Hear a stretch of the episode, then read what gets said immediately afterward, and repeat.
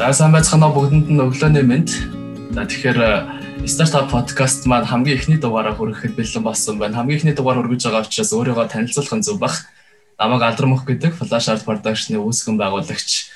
За тэгэхээр энэхүү подкастыг хийж байгаа зорилго нь стартап бизнесээ эрхэлж байгаа. Эрхэлж байгаа болон эрхлэх гэж байгаа. Одоо өөрийнхөө гэсэн бизнесийг босгох гэж байгаа хүн бүрт зориулж байгаа. Өнөөдрийн зочин бол сонирхолтой хүн байна. За зочин маань амьдралын дасгалжуулагч Alpha Academy үүсгэн байгуулагч Амраа багш маань таштар оролцож байна. Сайн байна багш. Өглөөний мэнд. За өглөөний мэнд. За бүгдээрэнд нь уулзсандаа маш их таатай байна. За тэгээд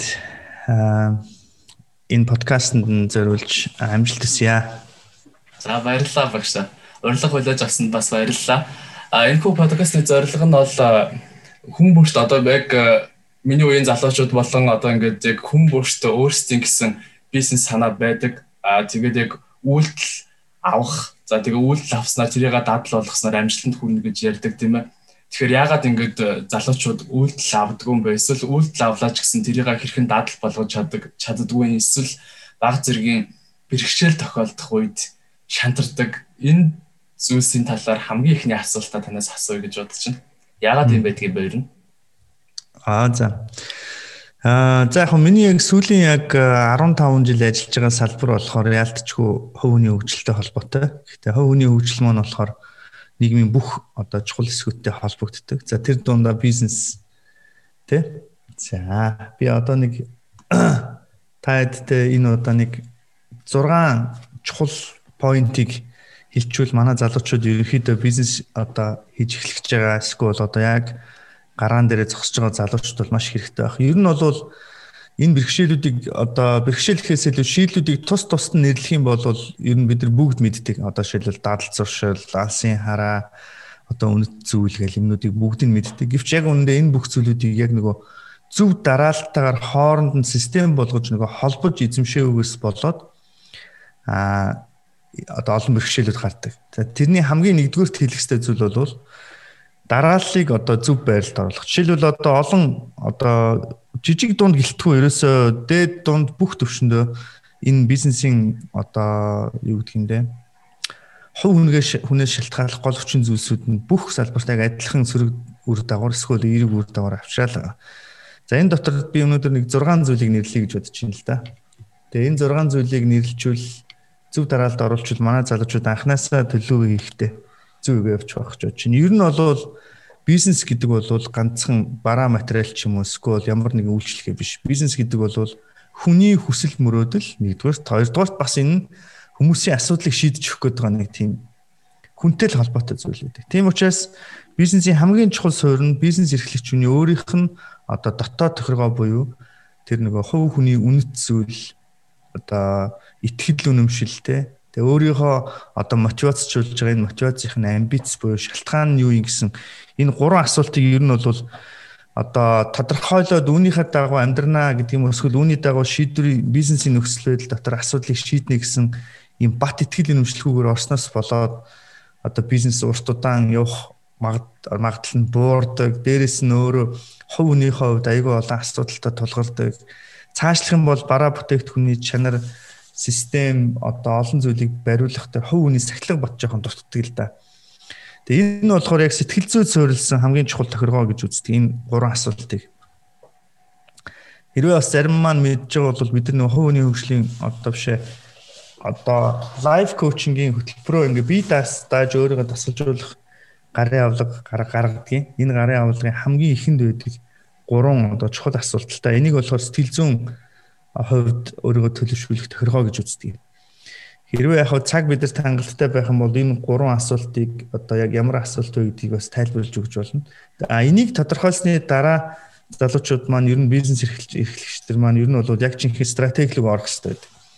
Гэтэл харамсалтай нь олон хүмүүс нөгөө өөрийнхөө одоо гэдэг хувь хүний сахилга баттай байх үндсэн шалтгаанаа тодорхойлоогүй, зарчмаа тодорхойлоогүй байж байгаа стратеги төлөвлөхөөр стратеги төлөвлөж болдог боловч явандаа нөгөө хүчин сулрах ирж байгаа челленжүүд нь тэдний нөгөө тэднийг одоо хүнд байдалд оруулах ч гэдэг юм те. Асуудлыг шийдэх шалтгаанаа тодорхойлоогүйгээр эхэлснээсээ болоод айгүй олон том нийгэмдэр одоо шилбэл удаан насалтгүй шүү дээ одоо ямар нэгэн зүйлүүдтэй эхэлж маш хүчтэй гарч ирээл тэгэл зарим тодорхой хэмжээний амжилтанд хүрэнгүүтээ бид бидний хэлдгээр нөгөө оддын өвчин гэдэг ч юм уу те.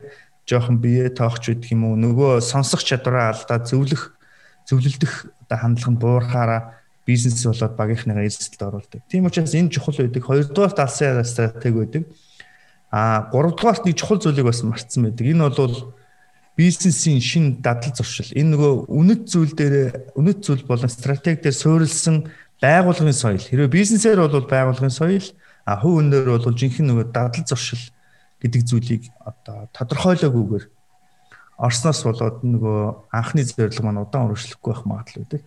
За тэгээд өдөр бүрийн менежментийн хэсэг орж ирнэ. За тэгээд дүгнэлт орж ирнэ. За дүгнэлт гэдэг бол яг жинхэнэ коучинг, за бизнесийн байгууллагаар ярих юм бол консалтинг. Тодорхой хугацаанд дараа байн үйл явц, чанар бүтээмжийг одоо дүгнж явах хэрэгтэй байдаг. За ийм 6 зүйлийг ерөнхийд нь бол би зүгээр э, танилцуулж гэж бодсон. Энэ 6 зүйлийг яг ингээд зөв системд оруулах холбочих юм бол хувь үнээс шалтгааллах бизнесийн одоо хөгжил бол тасралтгүй явахд бол боломжтой болдго юм аа. За баярлалаа багш.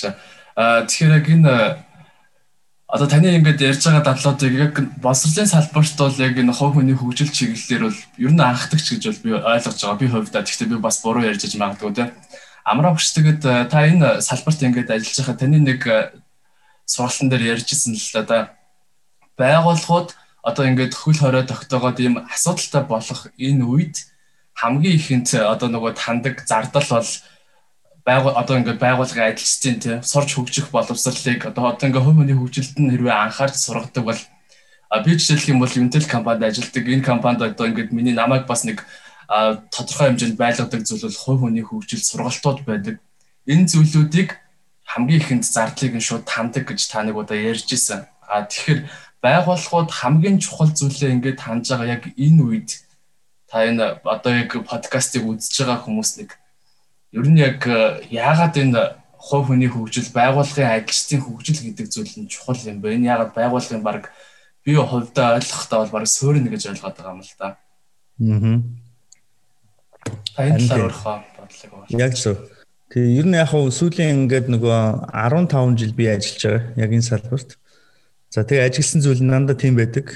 Ер нь бол хүнд байдал толгорнгууд тандаг төсвийн нэг нь бол сургалтын төс төсөв байж идэг. Энэ бол одоо бизнесийн одоо хамгийн чухал нөөц рүү одоо хөрөнгө оруулахад зогсоож ийн л гэсэн үг тийм. Тэгэхээр ингэснээрээ бол энэ бол яг хөтэй нөгөө хувь одоо жишээл бизнесийн хувьд бизнесийн насжилтын хувьд байгууллагын хөгжлийн хувьд хүний нөөц гэдэг нь ямар чухал зүйл вүлээ хүнээ авч үлдэх гэдэг нь ямар чухал зүйл вүлээ гэдэг бид сүүлийн нэг 10 жилийн дотор ер нь бол одоо ойлгож байна л да жоох өөрчлөгдөж байгаа. Гэхдээ ер нь бол яг тийм нөхцөл байдал яг бодит байдал дээр бол тийм байдаг. Сургалтыг бол чухал биш гэж үздэг. Энэ нь ямар алдагдлал биднийг оруулдаг гэхээр бизнесийн хөгжил нь өөрөө хоёр янзын одоо төвшин тувааж ойлгох юм бол За юу гэдгийг ямар нэгэн салбар нээх, үйлдвэр барих, бараа бүтээгдэхүүн хөгжүүлэх энэ бол илүү гадагшаа тэлж байгаа юм одоо өсөлтийн нэг хэлбэр байдаг. А дотоод өсөлтийн процесс гэж үү. Жишээл одоо яг эдийн засаг хямрах үед бизнесийн байгууллагууд уул нь яг дотоод өсөлтийн процесс руу шилжиж явах хэрэгтэй. Энэ нь юу гэсэн үгээр уул нь бол нөгөө суурэ баттгаж хүмүүсийнхаа те ихтгэлцлийг өшөө илүү нэмж хүмүүсээ хөгжүүлж явах хэрэгтэй яг ийм процесс үүдэг. Дотоод өсөлтийн процессын бараг 50-аас илүү хувь нь хүмүүстэй холбоотой хүн хоорондын харилцаа, ихтгэлцэл тэгэл одоо иймэрхүү асуудлуудыг айгүй бол асуудал шийдэх хэрэгтэй байдаг. Яг энэ хүнд үедээ сургалтыг танана гэдэг бол уул нь бол хөгжлийн үйл явцын хувьд бол хамгийн одоо буруу бас эрсдэлтэй юмнаас таньж байгаа. Уул нь сул зарлаа багасгаад илүү одоо нөгөө бизнес итгэхгүй болж байгаа энэ үед илүү хүмүүс рүү уул нь хөрөнгө оруулж явах хэрэгтэй яг энэ цаг үедээ бол одоо яг хавда туршлагагүй байгууллагууд бол ер нь бол шууд төсөөсө танаад байгаа. Тэгээ энийг одоо манайхан бол одоо яг үндэ нөгөө сайн хүнээ хүмүүсээ хүний нөөцөө алдаж эхлэх үед хувь хүмүүс нөгөө байгууллагын чадварлаг менежүүд хитрхи их нөгөө хувийн амбицтай болж эхлэх үеийн үед нөлөөлж байгаа хамгийн сөрөг нөлөө гэж хэлж болно. Маш сайн чадварлаг залуучуудыг бид нар тэгэл яг дундаас нь алддаг штэ хөгжүүлээл тэгэл алдчихдаг гол шалтгаан тэднийхээ нөгөө итгэлийг барьж аваагүй, тэдэндээ хөрөнгө оруулаагүй ийм байдлуудаас нь болоод одоо дараа нь иймэрхүү эрсдлүүд гардаг. Тийм учраас ер нь бол хүчрхэг байгууллага бол байгууллагын хамгийн хүчрхэг нэг нөөц бол хүний нөөц шүү дээ. Тийм учраас ер нь сургалтаасаа бол таньж болохгүй. яг энэ зүйлтэй уялдуулаад яг одоо ингээ 2 сарын хугацаанд карантинлж байгаа энэ үед болохоор манай Flash Arts Production бол ерөөс entertainment байгууллага одоо ингээд event дарах хэмжээ шинэ жил тэмдэглэлт баяруудыг ингээд тэмдэглэж явдаг. Тэгээд шинэ жилийг ингээ 20-г тавьчихсангууд 2 сарын хугацаанд би яасан бэ гэдэг ингэнгүүт одоо нөгөө багшийн witness day coaching гэдэг 3 дахь өдөр тийм provide group байдаг те. Тэрэндээ багшийн сургалтууд ороод явдаг. 2 сарын хугацаанд зөвхөн багшийн сургалтуудыг тэгээд өөр подкаст дам унших гэдэг өөрийгөө тасралтгүй хөгжүүлээд ирэнгүүт энэ одоо хөл хорой гэдэг зүйл надад бас боломж юм шиг санагдаж эхэлсэн. Ямар азар бас хөл хорой тогтоогдсон 2 сар 2 3 сарын хугацаанд өөрийгөө ингэж хөгжүүлэх бас боломж олдсон. За тэгээд багшаа энэ яг 21-р зуун чинь техник технологи 90 100 гэж би нөгөө нэг таны ярьж байгаа зүйл нөгөө таны сургалтуудаас авсан зүйлтэй л толгуурлж толгуурлж яриад байгаа. 21-р зуун одоо энэ 90 100-д бизнесүүд э, зарим ихэнх бизнесүүд ер нь одоо ингээ хөл хорой тогтоогдоод ирэнгүүт одоо бас л таны сургалтын дээр ярьж исэн. А одоо нөгөө энэ зүйлүүдийг би яагаад давхар асууж байгаа юм бэ гэхээр бас энэ хувь хүний хөгжилдөө анхаарахгүй байгаа одоо яг энэ сургалтанд хамрагдаж чадахгүй байгаа хүмүүс байх юм бол энэ зүйл таны сургалтууд дээр ийм чухал зүйлүүд яригддаг. Энэ зүйлийг бас нөгөө ганцаараа сонсоод явахыг хүссэнгүй л дээ. Аа. Тэгээд багшаа энэ яг яг энэ үед ингээд зарим найзууд маань ярьж ин л дээ ийм бизнес хийх гэж байсан чинь зогсчлоо. Эсвэл яг корона гараад хийхэ болчлоо. Эсвэл яг коронагийн үед миний нөгөө нэг одоо өөр мөсний бизнес ч юм уу өөр янз бүрийн юм хийж исэн байгаа юм л та. Тэгээд яг ийм зүйлүүд нь байхгүй болчлоо. Одоо ингээ корона гараад ерөөсөж чадахгүй болчлоо гэж яриад байгаа байхгүй. Тэгэхээр энэ орчин цагийн 21-р зууны бизнес хийж байгаа бол энэ цаг үетэйгээ хөл нийлүүлж одоо яг энэ хүнд хэцүү нөхцөлд хийж чадахгүй, явж чадахгүй байгаа бизнес бол ер нь цаг үе олоогүй бизнес гэж ойлгож болох уу? Тэгээ энэ яг нөгөө бизнесийг нийгмийн нөхцөл байдлыг урьдчилан таамаглах чадвар жоохон дутснаас ийм болдог л доо. Жишээлбэл одоо ямар нэгэн том өөрчлөлт одоо жишээлбэл 20 онд болсон энэ корона гарсан коронавирус бол нийгэм эдийн засаг бизнесийн орчныг тэр чигт нь одоо өөрчилж байгаа шүү дээ. За энэ өөрчлөлтийг бол одоо урьдчилан таамаглах боломжууд байсан. За ер нь бол би энэ нийгмийн шилжилтийг бол миний хувьдаа бол би яг өөрийнхөө академийн төвшөнд бол 2014 оноос ер нь таамаглаж ирсэн. Сүүлийн бараг 6 жилийн өмнөөс гэх юм уу да. Тэгээ энэ таамаг нь ер нь таамаг нь ер нь батлагдсан. Энэ таамаг дэвшүүлэхийн тулд нөгөө дата анализ хийж үзэх, нөхцөл байдал дээр дүн шинжилгээ хийж үзэх иймэрхүү мэрэгжлийн одоо зүйлүүд шаардлагдаг. За тэгэхээр би бас нэг ганц хоёр слайд үзүүлчихье гэж бодож байна. Юм бол манай энэ залуучууд ерөнхий ямар нөхцөл байдалд орчод байгаа ер нь бол ойлгож болно. Тэгэхээр нийгэм маань бизнесийн орчин өөрөө ингээд тодорхой хугацааны одоо давтамжтайгаар ингээд өөрчлөгдөж идэг. Энэ өөрчлөлт нь өөрөө хөгжлийн хурдтайгаа холбоотой. Жишээлбэл одоо та нар iPhone, Samsung за одоо технологийн компаниуд ямар хурдтайгаар одоо шинэ дэвшилт технологиудыг одоо одоо санал болгож байгааг харах юм бол энэ хурд бол урд өмнө байгаагүй маш хурдтай болж байгаа шүү дээ. Дээрээс нь интернетийн хурд нэмэгдсэн. Тэгээ энэтэй холбоотой нөгөө хөгжил хөгжлөөсөө болоод өөрчлөлтийн процесс нь айгүй ойрхон болоод байгаа. Хурдан болоод байгаа гэсэн. Юм хөгжиж байгаа учраас хизээч нэг хэвэндээ байхгүй. Хөгжил нь өөрөө давуу тал сул тал хоёр зүйлийг дагуулдаг. Нэг нь бол технологи дээр одоо энэ аливаа мэдээллийг хүлээж авах хурд те одоо юу гэдгийг интернет гэдэг зүйл хүмүүсийн одоо энэ гар утас компьютерийн хурд нэмэгдээд байгаа нэг талдаа давуу тал боловч нөгөө талдаа бас байгаль экологтой сөрөг нөлөө үзүүлдэг ийм эффектүүдийг бас үзүүлдэг.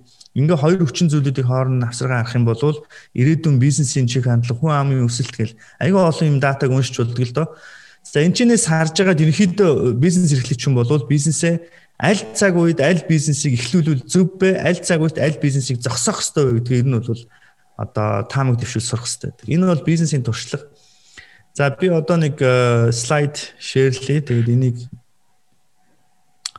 аа чи надад юу зөвшөөрлөх хэрэгтэй юм шиг үнэ. Шеэр. За тэнгуут нь би нэг 2 3 зураг үзүүлээ багш sorry. Аа лээ. Аа Тийм байна. За яг би нөгөө хост нь өөрөө screen share хийх э, боломжтой гинэ.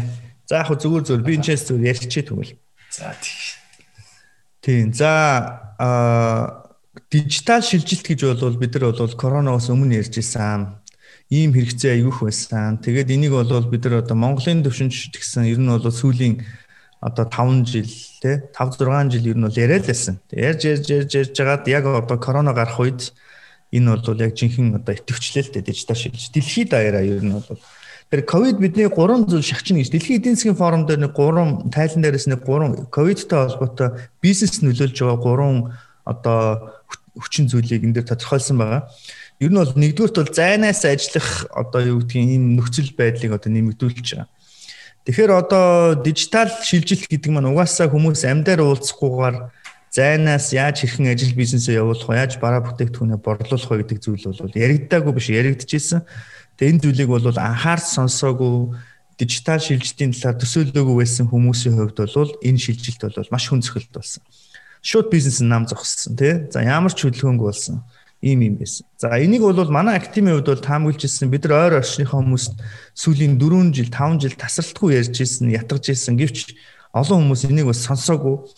Тийм учраас нөгөө нөөцүүдийг бэлдээгүй тийм нөөцийн менежмент дотор бол хүний нөөц, санхүүгийн нөөц, материалын нөөц, одоо тэгээд байгалийн нөөц, тэгээд одоо олон тийм ийм нөөцүүдийг одоо ингээд тооцоолон одоо тэгээд жишээл бизнес инкубатор гэдэг үг чинь бол ийм учиртай шүү дээ. Одоо бизнесээ боожуулж байгаад яг энэ үед шаардлагатай тэр бизнесийг гаргаж ирээд те одоо бизнес дээр одоо те одоо юу гэдгийг те эхлүүлэхтэй жинхэнэ стартап хийх ч юм. Ер нь стартапууд яах гэж би байдаг юм бэ гэхээр ер нь бол яг нөгөө орчин үеийнхаа нөхцөл байдал таарсан бизнесүүдийг ингэж одоо инкубатор дотор хөгжүүлж байгаа зөв бизнесийг гаргаж ирдэг гэсэн тийм. Гэтэл зөв бизнес гаргаж ирэх гэсэн чинь энэ үед блоклогживэл хэдүүлээ цаг үеийн нөхцөл байдал ойлгоогүй л гэсэн. За хоёрт нь бол одоо дижиталжуулах гэдэг энэ үйл явц бол ковидоос хойш асар хурдтай одоо хийгдэж байгаа. Гуравдугаарт бол автоматжуулалт гэдэг зүйл. Энэ гурван зүйл бол ковидоор дамжуулаад одоо дэлхийд даяараа бол маш хүчтэй эффект өгж өөрчлөлт нөлөөлж байгаа. Тийм байна. Тэгэхээр ер нь бол энэ дижитал шилжилт бол энэ шинэ удирдлын эхний шинж тэмдэгдийг бол ойлгох хэрэгтэй. Одоо ер нь бизнесүүдэд ер нь болж игэл баг зардалтай онлайн дээр суурилсан тийм одоо ийм одоо хэлбэрлүү бол ер нь бол Америкт бол эн чинь бол нэлээд эрт эхэлсэн Америкт бол ер нь дэлгүүрүүд гэж байхгүй болоо дандаа ийм агуулгууд болоод хүргэлтийн үйлчлэг онлайн борлуулалт бол нэлээд идэвхжсэн байсан. А одоо энэ дарамт бол Монголын хувьд бол одоо жинхэнэ ийм болж байна л та. Тэгэхээр онлайн энэ дээр нэг хідэн нэр шинэ том юм даа. Энийг манайхаа ингээд бичээд авах зүгээр. Жишээлбэл одоо цахим ертөнцийн дэх өөрийн карьер гэж тийм. За одоо шилбэл энийг бид нар сүүлийн үед инфлюенсер гэж тодорхойлоод байгаа. Ер нь бизнесийн борлуулалтын бараг 70-аас илүү хувь нь инфлюенсерүүдээр дамжиж явж байгаа. Инфлюенсер гэж хэм бэ гэхээр олон нийтийн сүлжээнд идэвхтэй, олон нийтэд хүлээн зөвшөөрөгдсөн ийм нөлөө бүх хүмүүс байгаа. Тэгэхээр бизнес маань ч гэсэн дижитал руу шилжинэ гэдэг нь борлуулалт, маркетинг, тэгэл хэлбэрийн хувьд, тэгээд зардлын хувьд маш олон зүйл одоо өөрчлөгдөж байгаа. Тэгэхээр одоо бизнесийн хувьд хүнд байдалд орсон залуучууд байгаа бол аль болох эрсдэл багтаагаар энэ үеийг туулахаас өөр аргагүй. А хоёрдугаарт улирал солигдсны дараа дараагийн шилжилт ирэх үед харин ийм мэдрэмжгүй эсвэл бол хинэггүй байж болохгүй гэсэн. Дижитал шилжилтийн процесс нь одоо ингээд хэдүүл ямар ч байсан нэг одоо 25 6 он хүртэл бол яг энэ хэлбэр ингээд цаашаа өргөжлөн гэвч дараагийн мөрчлөг дээр дахиад нэг одоо бизнес энэ ч нэг хөгжил учраас энэ чигээр одоо ингээд яваад байх боломжгүй. Гэт ингээд явна. Тийм учраас бизнес эрхлэгч маань нөгөө имийг томоор харж сурах хэрэгтэй байна. Одоо таамаг дэвшүүн сурахын тулд хамгийн чухал чадвар юу гэдэг вэхээр өнгөрсөн улирлуудаар дүгнэлт хийж үзэх хэрэгтэй. За одоо тэгвэл өнгөрсөн 2015 оноос 20 оны онцлог үйл явдал юу байсан? Энэ дотор ямар шинж тэмдгүүд байсан? Тэгвэл 15 оноос 10 оны хооронд эсвэл 8 2008-аас 10 одоо 5 оны хоорондох нийгмийн эдийн засгийн бизнесийн орчин ямар байсан? Ингээд дүгнэлт хийгээд үзэх юм бол ирээдүйн өөрчлөгдөх шаардлагатай шинж тэмдгүүд бол ер нь байсан байдаг. Тэгэхээр ер нь дүгнэлт хийдэггүй бизнес эрхлэгчнэр бол таамаг дэвшүүлэх боломжгүй байдаг. Тийм учраас манайхан маш сайн одоо түүх хөтлөх, тий дата цуглуулах, анализ хийх гэдэг ийм чадваруудыг эзэмших нь заашгүй одоо шаардлагатай байгаа. Юмыг томоор харна гэхээр багш одоо яг хүмүүс ингээ хүчтэй бороо орж байхад ерөөс ингээ шоу гарч яах юм бол одоо бүргэд байлаа гэхэд шууд үүлэн дээр гарчдаг гэсэн тий. Ингээд бүр ингээд одоо тэр чинь ингээд асуудлаас шууд ингээд сугарч гарч чаддаг амтан бол бүргэд байгаа даа шүү дээ. А тэгэхээр одоо ингээд нөгөө олон залуучууд бас зарим нь ярьж ин л да Монголд ингээд бизнес хийгээд миний хувьд бол яг гадаадд одоо төгсөөгүй. Тэгэхдээ а бизнес хийгээд зах зээл ойлгоод ингээд бас хийгээд яваад иж бол болдог. Бас одоо яг тийм зөв бизнесийг босгох бүрэн боломжтой байдаг. А тэгвэл гадны оронд ямар нэгэн байдлаар ажиллаад юм уу эсвэл сургууль сураад ирэх юм бол илүү их боломжууд байдаг ч гэдэг юм уу эсвэл гадны оронд одоо ингээд сургууль төгсөөд ирсэн залуучууд илүү мондог байгаад байна ч гэдэг юм уу нь бас ийм зүйл байгаад байна л та. Аа. Тийм талаар та хуваалцвал. Тийм за яг хуу маш энгийнээр тайлбарлах юм бол хөгжлийн үйл явцын хувьд арай өмнө одоо байгаа улс оронд очихоор манад хараахан ирээгүй байгаа шалгуур эсвэл боломжуудыг өөрчлөн харах давуу тал үүсдэг. Тийм тийм учраас одоо жишээлбэл юу гэдгийг те за одоо газрын асуудал, утааны асуудал бол улс орнууд аль хэдийн давтсан байж идэг. Давтсан улсд очиод ингээ харахаар шийдэл нь ингээ харагддаг. Тэгээд жишээлбэл одоо гадаадд байгаа олон зуун жилийн түүхтэй ихтэй сургуулиудын хамгийн том давуу тал нь юу гэдэг вэхээр одоо маш их дата байдаг. Маш олон түүхчлсэн дүн шинжилгээнүүд байж байдаг. За энэ бүх зүйлүүдийг үзэж сонирхох нь оюутнуудад одоо давуу тал өгдөг тий.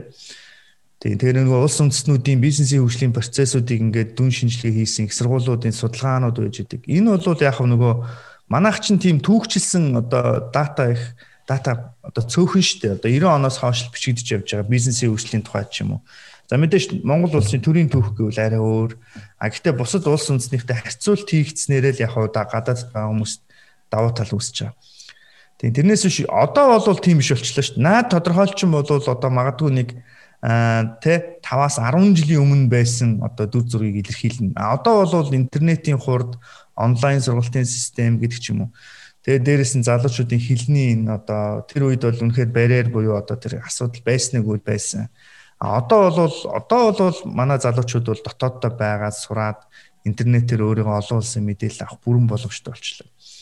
Тэгээ өмнө нь бол тийм байсан. Энэ бол үнэхээр мэдээлэлтэй холбоотой зүйл байсан. Тийм. Тэгээ дээрэс нь хөгжлийн одоо зөрүү энийг бол одоо жишээлбэл би одоо анх 14 онд Америкт одоо сурахаар яваад А тэгж очиод явж байхдаа яг энэ эдийн засгийн нөхцөл байдлыг таамаг төшүүлэх одоо тэр зүйлийг одоо сурж байгаа хгүй. Яг тэгэхээр тэнцээ чинь бас нэг ингээд хөгжлийн хувьд арай өмнө явж байгаа дунж босоод дүгнэлт хийсэн бизнес эрхлэгчнэр айгүйх байдаг.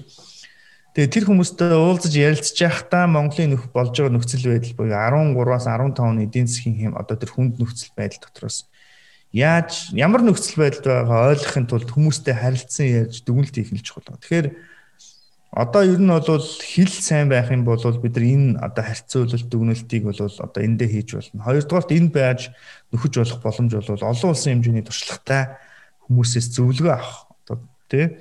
Ер нь бол зөвлөгөө туцснаас болж олон бизнес одоо хүнд байдалд орж ирсэн шүү дээ тий. Тэгэл яг гадаад явсан хүмүүс чинь олон хүнтэй уулзч ярилцах дүгнэлт хийх. Би түрүү хэлсэн шүү дээ. Ер нь коучинг, консалтинг гэдэг зүйл хувь хүн болон байгууллага дээр дүгнэлт хийгдэхээр хийгдэх одоо процессор илэрдэг. За олон хүмүүс гадаад явснараа хамгийн том давуу тал нь юу гэхээр нөгөө нэг өрөөнд байгаад тахаар өрөөгөө ямар үнэртэй байгааг нөгөө мэдхээ болчдөг шүү дээ. Гаднаас орж ирсэн хүн орж ирэхээр үнэр нь жоохон таагүй байдаг ш. Тэрэн шиг гадагшаа гараад ямиг холоос ажиллаж харахаар бас хүмүүс дүгнэлт хийх бизнес дээрээ улс их орныхоо хөгжил ч юм уу хүн өөр дээр дүгнэлтийг бас том боломж болдог. Энэ нь бас тэр хүмүүсийг ухаарахад бас давуу тал болдог л доо. Аа За баярлалаа багш. Би яг э, түрүүн бас нэг зүйлийг бодож илаа л да. Нөгөө одоо яг э, бизнесээ эхлэж чадахгүй байгаа залуучууд хэрвээ ингээл бодоол байгаад байх юм бол үнэт зүйлээ тодорхойлоогүй болохоор л үйлдэл авч чадахгүй байгаад байгаа гэж ойлголоо.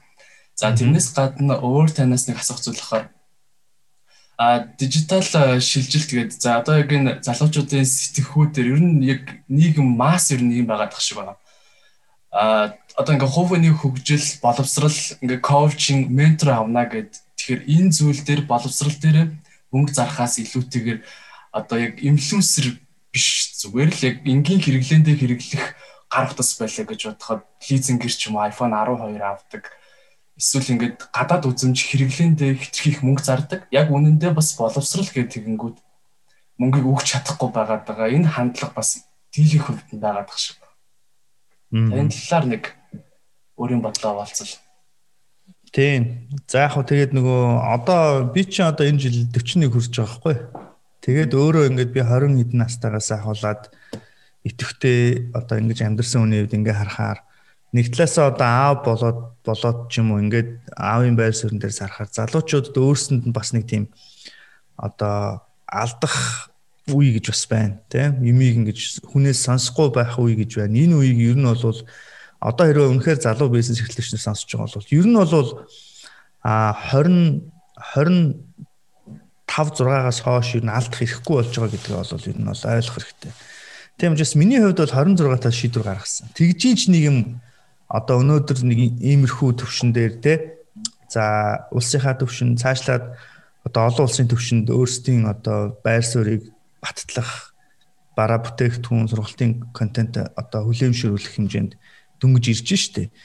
Тэгэхээр чинь юу гэсэн үг вэхээр ер нь бол залуучууд бол нөгөө одоо ганцаараа одоо бизнес эхэлж явж байгаад хамгийн хэцүү зүйл нь сул тал юу гэдэг вэхээр зөвлөгчгүй. За энийг бол ментор гэж хэлж болно хэдүүлээ. Тэ коучинг гэж хэлж болно.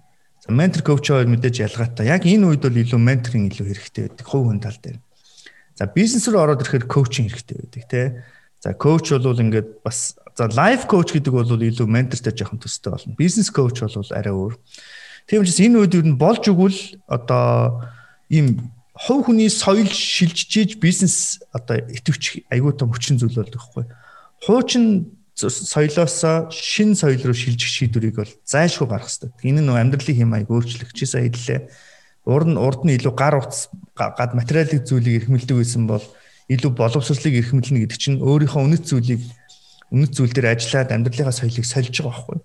Энэ шилжилтийн үед зөвлөгч айгүй хэрэгтэй байдаг. Яагаад тэгэхээр би ч нэг хараахан өөрөө төлөвшөөгүй байгаа учраас төлөвшсөн хүний дэмжлэг тусламжтайгаар энэ шилжилтийн хугацааг одоо авч гарах хэрэгтэй байхгүй. Гэтэл үүндээ яг энэ үед тусламж аваагүйсээ болоод одоо төлөвшөж амжаагүй байж байгаад улс төрлөө орох, төлөвшөж амжаагүй байж байгаад том корпорацид ажилд орох, эсвэл том бизнес эрхлэх гэж оролдохдоо явцын дунд энэ хүмүүс маань өөрсдөө одоо нэг сангалттай сайн сурч зөвлөлдөөгүй учраас дунд нь том том эрсдэл гардаг.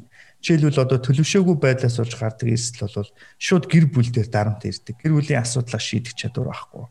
Мөнгө цалинтай боллоо гэхэд мөнгө цалин эргүүлээ тэр хүнийг одоо хувийн сахилга боцсол байсан учраас болоод ямар нэгэн арх дарс зугаан цэнглээс болж тэр хүнийг те одоо эрсдэлд оруулдаг. Зарим нь эрүүл мэндээрээ эрсддэг те. За маш олон залуучууд одоо гэр бүл эрүүл мэндийн хувьд бол эрсдэлд орж исэн. Энэ нөгөө л одоо яг тэр шилжилтийн үед их тэр зөвлөгөө тэр одоо тэр хувь хүний хөгжил дээр анхаараагүй байдлаас болоод дараа нь айгүй том том төлбөрүүд төлдөг. Эхэндээ бол залуу бах тоодгүй байхгүй юу хувь хүний хөгжил. Наа чин тэм чухал юм. Одоо гол нь ерөөсөл бизнес эхлүүлэх хэрэгтэй байна те. Мөнгө олох хэрэгтэй байна. Гэтэл бол Абрахам Линкольн нэг хэлсэн гоё байгаа шүү. Хэрвээ надад мод хөрөөдөх 6 цаг ч үлээ 7 цаг өгөх юм бол би 4 4 цагт нь хөрөөгөө ирэлнэ гэдэг. Хувийн хөгжил гэдэг бол бизнесийн суур бас хэр их удаан оршин тогтох вэ гэдгийг бол тодорхойлдог. За бизнесийн ур чадвар бол энэ бол hard skill. Энийг бол нэмэх нь soft skill. Энэ хоёр нийлээд нэг одоо гайхалтай хүнийг бүтээж байгаа шүү дээ. Тэгэхээр soft skill буюу хувийн хөгжилчин бол одоо Монголын нийгэмд хамгийн их хэрэгтэй байгаа зүйл нь яг энэ дээр л. Одоо улс төрийн нөхцөл байдлыг харсан ч тэр ялгаагүй биднийг бухимдуулж байгаа зүйл нь төлөвшөөгүй хувь хүн. Өөрийнхөө одоо хувийн тэр амбицийг захирч чаддгүй нийтийн эрх ашигын төлөө одоо тий өөрийн өөрийгөө одоо төрийн албан хаагчийн байр суурин дээр байж чадахгүй байгаа сошиалор дүүрэн байгаа энэ асуудлууд дандаа хувь хүний төлөвчлөлтөй холбоотой асуудлууд байгааг та нар бас харж байгаа.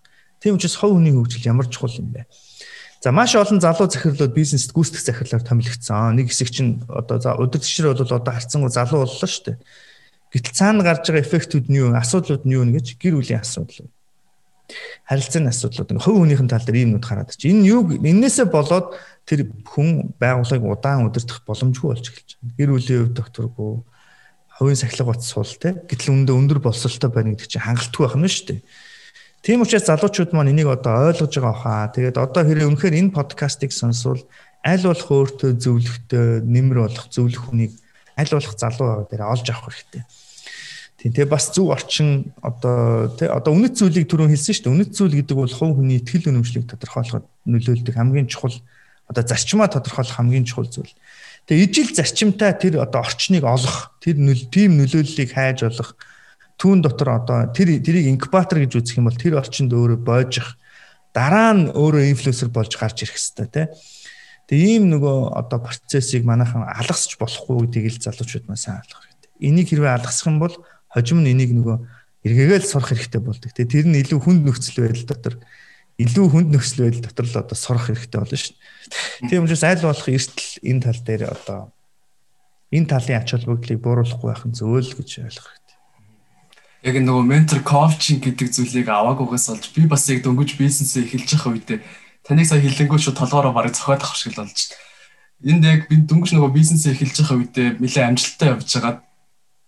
Тэгээд одоо ингээд шоу арга хэмжээ зохион байгуулж байгаа. Шоун дээр бол мэдээж л эмэгтэй хүмүүс ингээд нүр амаа будцсан хувцаа ингээд янзлцсан ингээд гоё ирдэг. Би болохоор одоо ингээд хоёр хүүхэдтэй. А тэгээд шоу дуусаад гэртээ ирэнгүүт манай эхнэр ингээд гэрийн хувцастайгаа нүр амаа будаагүй ингээд байждаг. Тэгээд тэнгүүд харьцуулж эхэлдэг. Нэг нөгөө нэг таны хэлж байгаагаар миний төлөвшөөгүй байсан л юм шиг байгаа. Тэгээд энэ асуудлууд нь ингээд даймжирж байгаа. Бизнес одоо яг дампуурах хүртэл гэр бүлийн асуудал, бизнес дампуураад бүр ингээд барыг одоо 20 21 2-тай залуу хүн тиймэрхүү нэг 40 50 сая төгрөг ч юм уу тиймэрхүү асуудалд ороод ирэнгүүт баг амиа орлоо гэж боддөг юм л шүү дээ. Тэгээд ингээд явж явах хугацаанд энэ зүйлүүдийг 4 5 жилийн хугацаанд энэ хөөр зээл ч юм уу энэ гэр бүлийн асуудал гэдэг энэ олон зүйлүүдийг шийдэхин тулд маш их цаг хугацаа, хөрөнгө мөнгө амар олон зүйлийг зарцуулсан байгаа. Энэ зүйлийг хэмнэхийн тулд ментор, коучинг гэдэг хүнд ингээд хандснаар тий өөрөөсөө илүү туршлагатай хүнд хандснаар энэ олон асуудлуудыг шууд ингээд цаг хугацаа болон маш олон зүйлүүдийг хэмнэж шатж байгаа гэдгийг залуучууд маань ойлгоорой. Тэгээ би бас нэг зүйлийг хэлэхэд манай подкастыг сонсож байгаа хүмүүс нэг энийг за доор хаяж нэг хоёр удаа сонсоод үзээрэй гэж хэлмээр байна. Аа. Тэгээд багш аа за.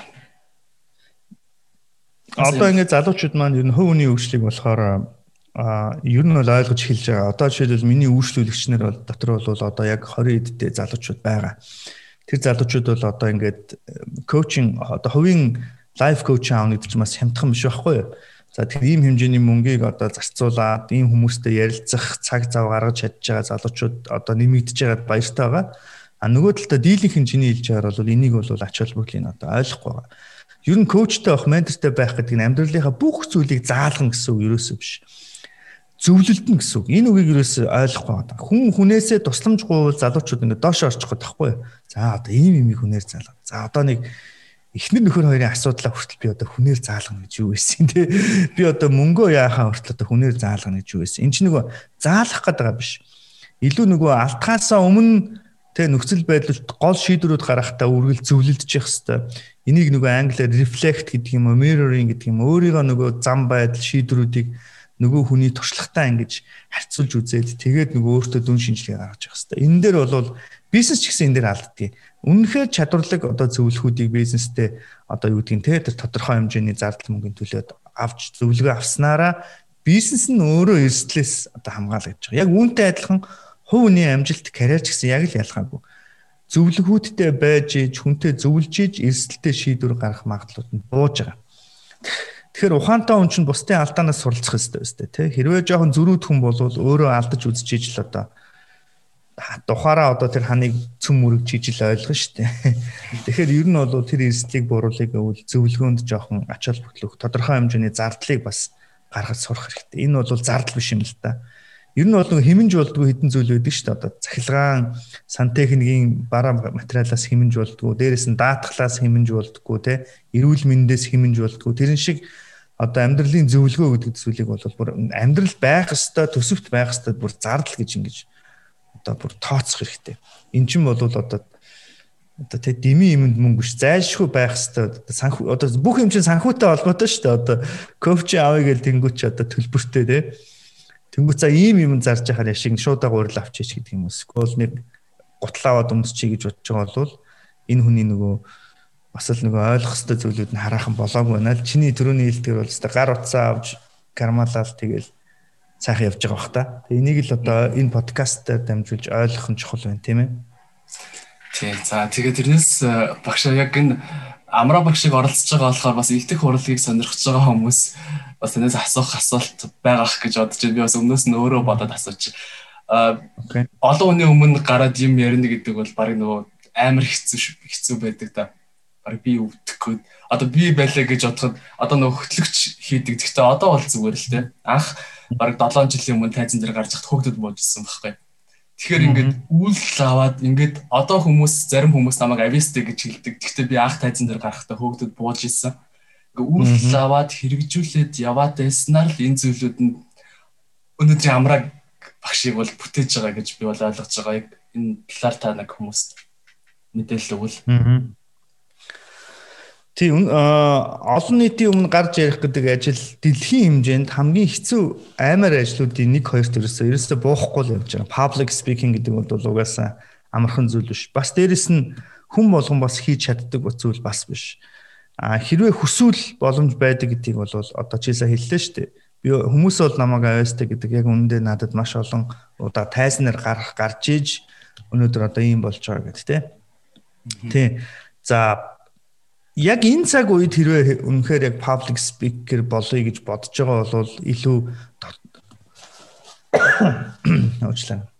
Дотоод мөн чанар дээр илүү анхаарах хэрэгтэй. Ер нь бол одоо олонний өмнө ярихад анхаарах хэрэгтэй хэдэн зүйл байдаг л да. Мэдээж бол одоо бие гоё авч явах, гоё харагдах, тий, гоё хувцлах, нүүр амаа айтайх ингээл тий одоо байлгах гэдэг. Энэ бол илүү одоо гадаад байдалтай холбоотой байдаг бол дотоод зүс сэтгэлийн илэрхийлэл буюу хувь хүний доторх тодорхойлт гэж аягүй чухал зүйл юм. Аа өөртөө итгэл чи угаасаа хоёр зүйлээс бий болж байгаа юм л да. Нэг нь мэдээж бие зүв авч явснаас хүн өөртөө итгэлтэй болж байгаа. Хоёрдугаарт дотоод мөн чанараараа одоо юу гэдэг зүс сэтгэлийн хувьд бас тэр өөртөө итгэл аягүй чухал. Сүүлийн үеийн сонсогч нар өөрсдөө аягүй ухаалаг болж байгаа учраас ер нь бол нөгөө төлөвшсөн хүн төлөвшөөгүй хүн Тэ мэдлэгийг одоо яг туршлага болгосон хүн эсвэл зөв мэдлэгээ ярьж байгаа хүнийг бол сонсогч нар айгүй сайн ялгал салгадаг болсон. Тийм учраас одоо яг үнэхээр яг энэ талаараа ингээд ажиллая гэж бодож байгаа бол эхлээд өөрөө тэр амьдралын туршлага, тэр ярьж байгаа зүйлээ амьдрал дээр буулгах, өөрийн үзэл бодлыг цэгцлэх гэдэг юм ийм дотоод асуудлуудаа хамгийн түрүүнд шийдэх хэрэгтэй. А дараа нь бол нэг галхаа гიშгэ тэ явах тэр ийм зүйлүүдийг бол хүн бол дараа нь бол сурч болдог ихэнх залуучууд эндүү нөгөө өөрийгөө одоо юу гэдэг амьдралын зарчмаа тодорхойлоогүй өөрийнхөө хандлагыг засаагүй байж ийж одоо хитрхи их одоо зөвхөн одоо илтгэх ур чадварын тал дээр анхаарахаараа чухал зүйлээ ингээд гээцсэн байдаг. Тийм учраас эхлээд нөгөө зөөлөн ур чадвараа сайжруулад дараа нь гадаад байдал дээр анхаарах хэрэгтэй гэж дээ. Мэдээж яг public speaking-нэр бол бид нар бүтэн одоо одоо тий бүтэн нэг сарын сургалт бидэрт бас байдаг. Ер нь л яг би сүүлийн үед бол илүү нөгөө тэр энэ public speaking-ийн speaker-ийн team юм юм 5 10 зарчим гэхээсээ илүү зөв хувь хүнийхээ туршлагаас бол аюух болцож байгаа. Жишээл би одоо сүүлийн бараг 15 жил тасралтгүй тайзан дээр байхдаа маш олон зүйлүүдийг сурсан. Тэгээ энэ зүйлүүдээсээ бол залуучууд бол харамгүй хаалцж байгаа л да. Тэгээ одоо бид нар ингээд тань шиг яг 15 жил ингэж явах шаардлагагүйгээр зүгээр танаас сурахад маш их цаг хийнэж байгаа. Дээш. Аа. За Тэгээд багшаа яг энэ нийгэмд одоо ингээд нэг тархины төгжээ гэд байгаад байгаа юм л да. Одоо ингээд за одоо би ингээд таны сургалтууд дээр ингээд суугаад байгаа болохоор бас ингээд ойлгоод энэ тодорхой хэмжээнд ойлгож байна. А ингээд одоо ингээд ихэнх подкастыг сонсож байгаа хүмүүс зарим таны сургалтанд сууж үзээгүй байх юм бол ийм хүмүүс байдаг л да. Ном уншиж байхдаа номны мэдээлэлтэй хүртэл ингээд санал нийлдэггүй те. Эсвэл их нэг үгийн хэллэнгүүд бас л санал нийлдэггүй. Энэ биднээс илүү туршлагатай маш олон зүйлийг өөрөө хэрэгжүүлээд үзсэн. Тэр зүйлээ ингээ бусдад хуваалцаж байгаа ч гэсэн тэр зүйлийг хүлээн зөвшөөрч чаддаггүй ингээ би үзэлтэй байгаад байдаг да ямар нэгэн зүйлийг сурах чадваргүй. Ийм хүмүүс ер нь эхний шатанд ямар арга хэмжээ авах хэвээр бэ? Өөрөө гэхдээ тэгж бас мэдэхгүй ч явж байгаа юм байвал энэ яг яг нэг хөгжлийн үйл явцын нэгдүгээр үйл гэж хэлдэг л дээ. Ер нь бол хүн ингээд хөгжихийн тулд нэг дөрвөн үе шатыг туулдаг гэж үздэг байхгүй юу? Эхний үе нь болохоор юу мэдэхгүй байгаагаа ч мэдэхгүй байх үе. Юу чадахгүй байгаа ч мэдэхгүй байгаа. Юу мэдэхгүй байгаа ч мэдэхгүй байх бол энэ бол хамгийн харанхуй үе нөхгүй. За энэ хүмүүс хизээ өөрийгөө одоо би сурах шаардлагатай гэдгийг мэддэг вэхээр шинэ өрсөлдөөнд орох үед, шинэ орчинд орох үед, шинэ хүмүүстэй уулзах үед энэ хүмүүс өөрсдийгөө бусдад харьцуулж хэлдэг те. Одоо шилбэл олон залуучууд их сургуульд орохдоо бас харддаг л байна. Өөрийгөө хамгийн супер гэж бодож исэн чинь орсон чинь айгүй мундаг олон залуучууд байж идэг тий. За өөрийгөө айгүй мундаг гэж бодож исэн чинь айгүй том корпорац ч юм уу компанид ажилд орсон чинь өөрөөс нь маш илүү олон чадвартай залуучууд байж идэг шиг. Ингээд нөгөө нөгөө бид нар англиар нөгөө comfort zone гэдэг нөгөө тэр тав тухтай орчиндоо л ингээд байгаад байвал хүн ингээд шүмжлээл суугаад идэг. Аль болох нөгөө өрсөлдөөнд явж орох шинэ орчин руу орох үедээ хүн өөрөө ирэхгүй одоо тий өөрийнхөө сул талуудыг ингэж олж хардаг. Тэгэхээр энэ хүнийг бол энэ хүн бол өөрөө юу их хэвээр гэхээр хувийн амьдралдаач тэр бизнес дээрээч тэр шинэ орчныг одоо бүтээх хэрэгтэй. Өөрийгөө одоо дараагийн түвшинд гаргах хэрэгтэй. Тэгээ дараагийн түвшинд алхам хийсний дараа тэртээ тэргүй өөрийнхөө маш олон сул талуудыг олж харна. За дараагийн төвшин бол өөрийнхөө сул талыг олж харсан бол 3 дугаар төвшин рүү шилждэг. Энэ бол сул талаа засах гэж хичээдэг л дээ. Засаж, сайжруулах гэж хичээнэ. Хичээхгүй бол буцаад хоёр руугаа шилжиж, хичээх юм бол гурав руугаа очилчихно. За 3 дээр байжгаад очих хэвээр дараагийн төвшин бол хичээхгүйгээр тэр сайн зүйлүүдээ хийж чаддаг болох. Нэгөөр хэлэх юм бол одоо юу сайн хийж байгааг анзаарахгүйгээр сайн хийдэг болно гэсэн үг шүү дээ, тэ. Энэ бол нөгөө жинхэнэ соёл маань дадал болоод ингээд суух энэ процесс үүдээ. Тэгэхээр а ийм иймэрхүү хүмүүсийн хүмүүст юу зөвлөх гэхээр ер нь бол а бүдэрч унахын өмнө бардам зан гэдэг нэг үг би хэлэх дуртай л та. Ер нь сурах, сонсох чадваргүй байвал энэ хүн өсөх магадлал маш бага байна. Нэгдүгээр, хоёрдугаар энэ хүн бас унах магадлал маш өндөр байгаа. Ер нь хүний одоо эерэг хандлага гэдэг чинь ер нь тэр бусдыг ямар ч туршлагатай хүн байсан гэсэн бусдын туршлагыг сонсохоор бүгдийг хүлээж авах хэрэгтэй гэсэн үг биш байхгүй би бас түрүү хэлсэн. Ер нь зөвлөгөө аавна гэдэг чинь бүх юма заалах гэдэг юм биш. Тэр хүний туршлага өөрийнхөө бодож байгаа зүйл хоёрыг харьцуулж үзэх Тэ хүмүүсийн одоо 10 20 жил 5 6 жил үзээд судалсан юмыг сонсож үзээд өөрийнхөө бодит байдалтай дүгнэлт хийх чадвар юм уу та. Энэ чадвар бол одоо ялангуяа энэ цаг үед бол маш чухал байна. Тийм учраас энэ хүмүүст юу гэж зөвлөвөхөр чи миний хэлж байгаа бүх зүйлийг хүлээмжшүүлэх албагүй. Гэхдээ сонсох ёстой тий. Сонсоод өөрийнхөө бодлыг нөгөө бодолтой харьцуулж дүгнэлт хийж энэ ч чи нэг юм олж авах ёстой л гэж хэлдэг л дээ. Тийм. Тэгэхээр энэ бол одоо яста яста цаг хугацааны асуудал баг. Тухайн үедээ бол хүлэмжшэрхгүй бол энэ хүн бол яста савж унтлаа, савж унжиж ил те одоо чихэн нээгддэг. Уул нь бол унахаасаа өмнө нээгдэх та хүмүүс. Би өөрийгөө бодох талаар би нэг 3-аас 4 лөө шилжих гээд л үзээд байгаа юм шиг гэж бодож сонгорс хэрэг болох нь. Тэгээд багшаа шүү дээ нөгөө сул талуудаа хөгжих ёстой талуудаа тодорхойлцсон байхгүй юу? Тэгээ хичээж байгаа бол 3 мөн л дөө. За тийм багш тэгээд энэ хүмүүс ихэнх хүмүүс ингээд нэг э, айж байгаа зүйл нь болохоор ингээд шүүмжлэлүүд ирдэг те комментүүд ирдэг ингээд шүүмжлэгч нар одоо нөгөө хүлэмжшүүлж чадахгүй байгаа хүмүүс чинь коммент бичдэг. Гэхдээ яг өөрийнхөө царайг биш нөгөө компьютерийн ард сууж байгаа л өөрийнхөө бүх юмыг нууж байгаа л ингээд бичдэг. Тэр хин нэг нэг доромжилдаг. Тэр хүнд ямар хэцүү байдаг гэдгийг мэддэггүй. Одоо үг гэдэг үзүүл чинь амар гэмтдэг. Гэхдээ таны нэг даваа тал нь би яг анзаарч байхаар та ингээд тайзан дээр тань дээр ямар нэгэн шүүмжил ирэх юм бол тэрийг ингээд инээгээд одоо ингээд тийм бусдад нэг тийм инээдэм маазраа ч юм уу эсвэл нэг тийм зүйл болгоод ингээд ярьдаг энэ зүйлсийг та ерөөсө хүлээж авахтаа ингэж хүлээж авдаггүй эсвэл зүгээр гаргаж байгаа хүлээж авсан зүйлээ гаргаж байгаа аргачлалнаа Тий. За яг энэ нөгөө юутай амьдралын ихтгэл үнэмшилтэй холбоотой.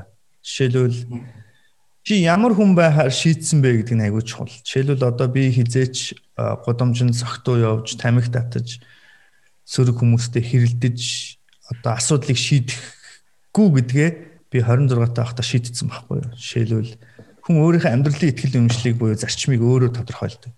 Нэгдүгээр тэр айгүй чухал. За нэгэнт л би хэрэлдэхгүйгээс хойш, нэгэнд энэ хүнтэй одоо зодтолдохгүйгээс хойш тийм үстэй. Энэ асуудалд эргээр хариулах хэрэгтэй. За хүн юм болохоор сэтгэл зүйн төвшөнд ямар нэгэн дарамт ирвэл яг чамд мэдрэгж байгаатай адилхан надад мэдрэгдэнэ. Жишээлбэл одоо муухай ов хэлэх ч юм уу. Хитрхи одоо нэг өнцгөөс хүнлүү дайрж давчлах ч юм уу. Эсвэл та тэ хүнлүү муухай хараалын өгшөдөг ч юм. Энэ үед бол мэдрэмжийн үед хүн юм болохоор яг адилхан мэдрэмжийг авна. А гэхдээ мэдрэмжийг анализ хийхгүйгээр шууд гаргадгийг бол одоо болсон гэсэн. Мэдрэмжийг шууд буцаагаад илэрхийлэх юм бол энэ нөгөө сэтгэл хөдлөл буюу реакц эн чинь өөрөө нөгөө зүү шидвэл твэн шиднэ гэдэг байгаа шүү дээ. Шиднэ гэдэг байгаа шүү дээ. Эн чинь бол нөгөө одоо зан төлөвийн төлөвшөлтэй холбоотой асуудал юм уу да. Тэгээд 3 дугаар энэ мэдрэмжээ захир сурах нь хамгийн чухал. Ихэнх хүмүүс энэ мэдрэмжийг одоо давж чаддгүй учраас сэтгэлээр унах, ухрах, бууж өгөх те эсвэл хит шатах, хэрэлдэх, зодолдох асуудлууд үүсдэг. Тэгэхээр сэтгэл хөдлөлийг захирахын тулд одоо би ямар арга хэрэглэдүүхээр надад нөгөө сэтгэл зүйн нөхцөл байдлыг одоо тэнцвэртэй болгодог юм арга байдаг. Жишээлбэл нэг нь бол шийдвэр. Тэрийг бол ярьсан тийм. За би бол нэгэнт одоо өөрөө ийм нөхцөл байдалд сөрөг хариу бол үзүүлэхгүй тэгээ шийдтсэн. Хоёрдугаарт нэг шийдвэр бол хангалтгүй байдаг. Хоёрдугаарт нөгөө дасгалжуулалт хэрэгтэй. Жишээлбэл чи амьдралаас а ирж байгаа энэ дарамтаас доор хаяж ядаж тэнцүү байх хэвээр чиний амьдралаас авж байгаа урам зориг, мотивац тэнцүү. Болж игэл ирэх дарамтаас илүү мотивац, илүү урам зориг авч явах хэвээр. Тэгжиж чи ийм хэмжээний дарамтыг инээж те тайвнаар буцааж энэ нөхцөлөд хариу үйлдэл үзүүлэх хэвээр. Сэтгэлзэн үед туйлдсан байх юм бол ийм одоо шүүмж ирэх юм бол хүн шууд ууралдаг. А сэтгэлзэн үед өөрийгөө бэлтцсэн. Нэг бол юм бол энэ зүйлээс өмнө өөрийгөө дүүргэцсэн тий урам зоригоор тий дүүргэцсэн байх юм бол чи энэ зүйлд одоо эерэг хариу үзүүлж чад. Нэг бол юм бол нөгөө инхийн цагт хөлсөх урсах юм бол дайны цагт цус баг урснаа гэдэг чинь өөрийгөө бэлтжижсэн хүн дарамт ирэх үед энд бол 50 хариу үзүүлж чаддаг байхгүй. Гуравт нь бол мэдээж техникийн юмнууд бас байна. Тэ бөмбөгийг хүлээж аваад эргүүлээд буцаагаад өөрлөн шидэгч гэдэг юм уу те одоо нөгөө интерактив болгоод илүү хүн хөгжилтэй болгоод энэ бол мэдээж жоохон туршлах хэрэгтэй шүү. Тэ. Одоо энэ зүйлүүдийг ингээд хүлээж аваа хүлээж одоо над руу ингээд давшилтууд ирээд гаднаас ямар нэгэн гадны нөлөөлөлтөөр намайг ингээд гимтэж явах юм бол эхлээд би ингээд өөрөө бодох нь ш надад л ямар нэгэн асуудал байгаа юм байна. Надаас өөрөөс л асуудлыг хайх нь ш хамгийн гол нь тэ. Тэгэж ойлгож болох юм шиг. Яг шүүмжлийг хүлээж авах техник гэж байдгийг. Шүүмжлийг хувь хүн дээрээ хүлээж авах юм бол энэ сэтгэл зүйн дарамт үүсгдэг. Шүүмжлийг яг тэр асуудал дээр хүлээж авах сурах хэрэгтэй. Жишээлбэл одоо чамаг чи одоо юу өмснэ гутал чи одоо юу вэ гэх юм бол энэ чамаг тэнэг гэж хэлж байгааг ерөөсөө биш байхгүй. Чиний гутал болохгүйсэн л гэсэн. Окей. Энэ чинь хоёр юм ялгаатай зүйл байна. Тэгэхээр бид нар болохоор чи яагаад над руу дайрж давшлаад байгаа гэд ингэж хүлээж авдаг. Энэ бол буруу хүлээ авалт юм шүү дээ. Чи яагаад хоцроод байгаа юм? Чи одоо ямар сони юм бэ гэх юм бол энэ миний хоцорсон асуудалтай ярьж болохоос биш намайг одоо мэдрэмжгүй ч юм уу тэнийг гэж хэлж байгаа ерөөсөө биш байх. Тэгэхээр нөө шүүмжийг ингэж нөө хоёр хувааж задлж хүлээж явах нь аюул чухал байдаг тий. Ихэнх хүмүүс шүүмжлийг шууд тов хүн дээр авдаг. Чи яагаад над руу ойрлоод байгаа юм. Гэхдээ тэр хүн орилж иж болно. Гэхдээ яагаад орилж өгөхөр чи хоцорсон учраас тэр хүн бүхэндээ ойрлоод байгаа байхгүй. Тэ эсвэл бол тэ эсвэл магадгүй ярьж байхдаа нэг буруу үг сонгоцсон ч юм уу тэ. Тэнгүүтэл тэр үгийг л солих хэрэгтэй шүүмжлийг хүлээж авах техник гэж байдаг бас зөв шүүмжлэх техник гэж бас байдаг тий. Тэгэхээр энийг одоо бас хэдүүлээ сурхал өстой зөв. За баярлалаа багшаа. Өнөөдөр үнэтэй цагаа бид нартэй гаргаад ингээд э, зөндөө олон мэдээлэлүүд өгж байгаад баярлалаа.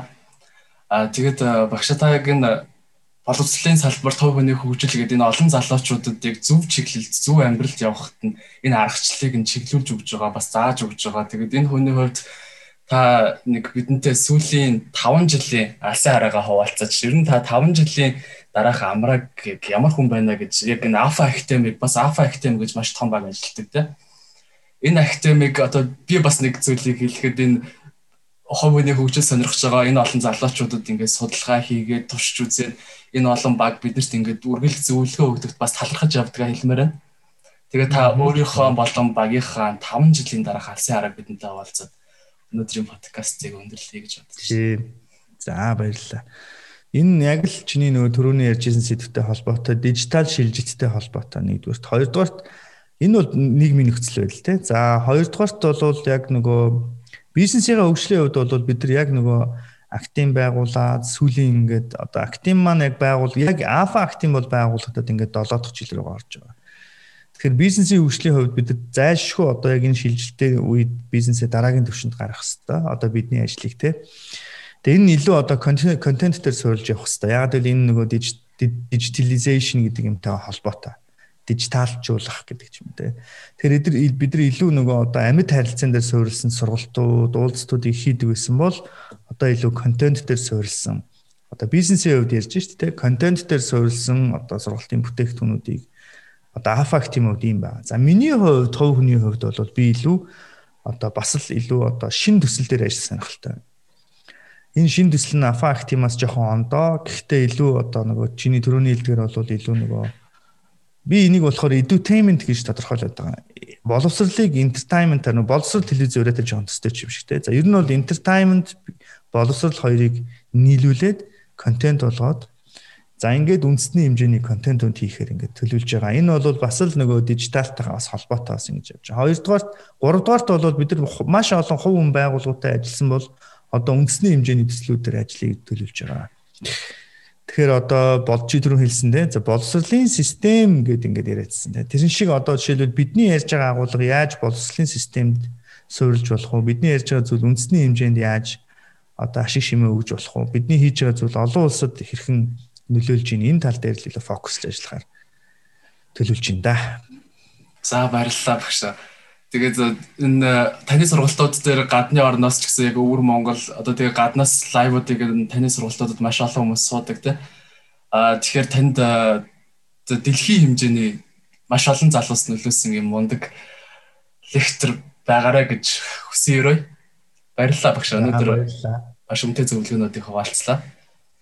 За тэгэхээр за баярлалаа багш. Дараагийн дугаараар хэдүүлээ эргөө уулзцгаая. Хамгийн ихний өнөөдрийн стартап подкастын маань хамгийн ихний зочноор амьдралын дасгалжуулагч Амраа багш маань байлаа. За ингээд дасгалжуулалт хов хүний хөгжлийн чиглэлийн лектор хүмүүсийг урьж оролцуулж байгаа подкастууд маань эхлэндээ ингэж явж байгаа. Сүүлдээ яг стартап бизнес, гарааны бизнес эрхэлж байгаа амжилттай хүмүүдийг орж оролцуулах болно. Баярлалаа агшаа. За баярлалаа та бүхэнд амжилт хүсье. Аа тэрийг сайхан өнгөрүүлээрэй.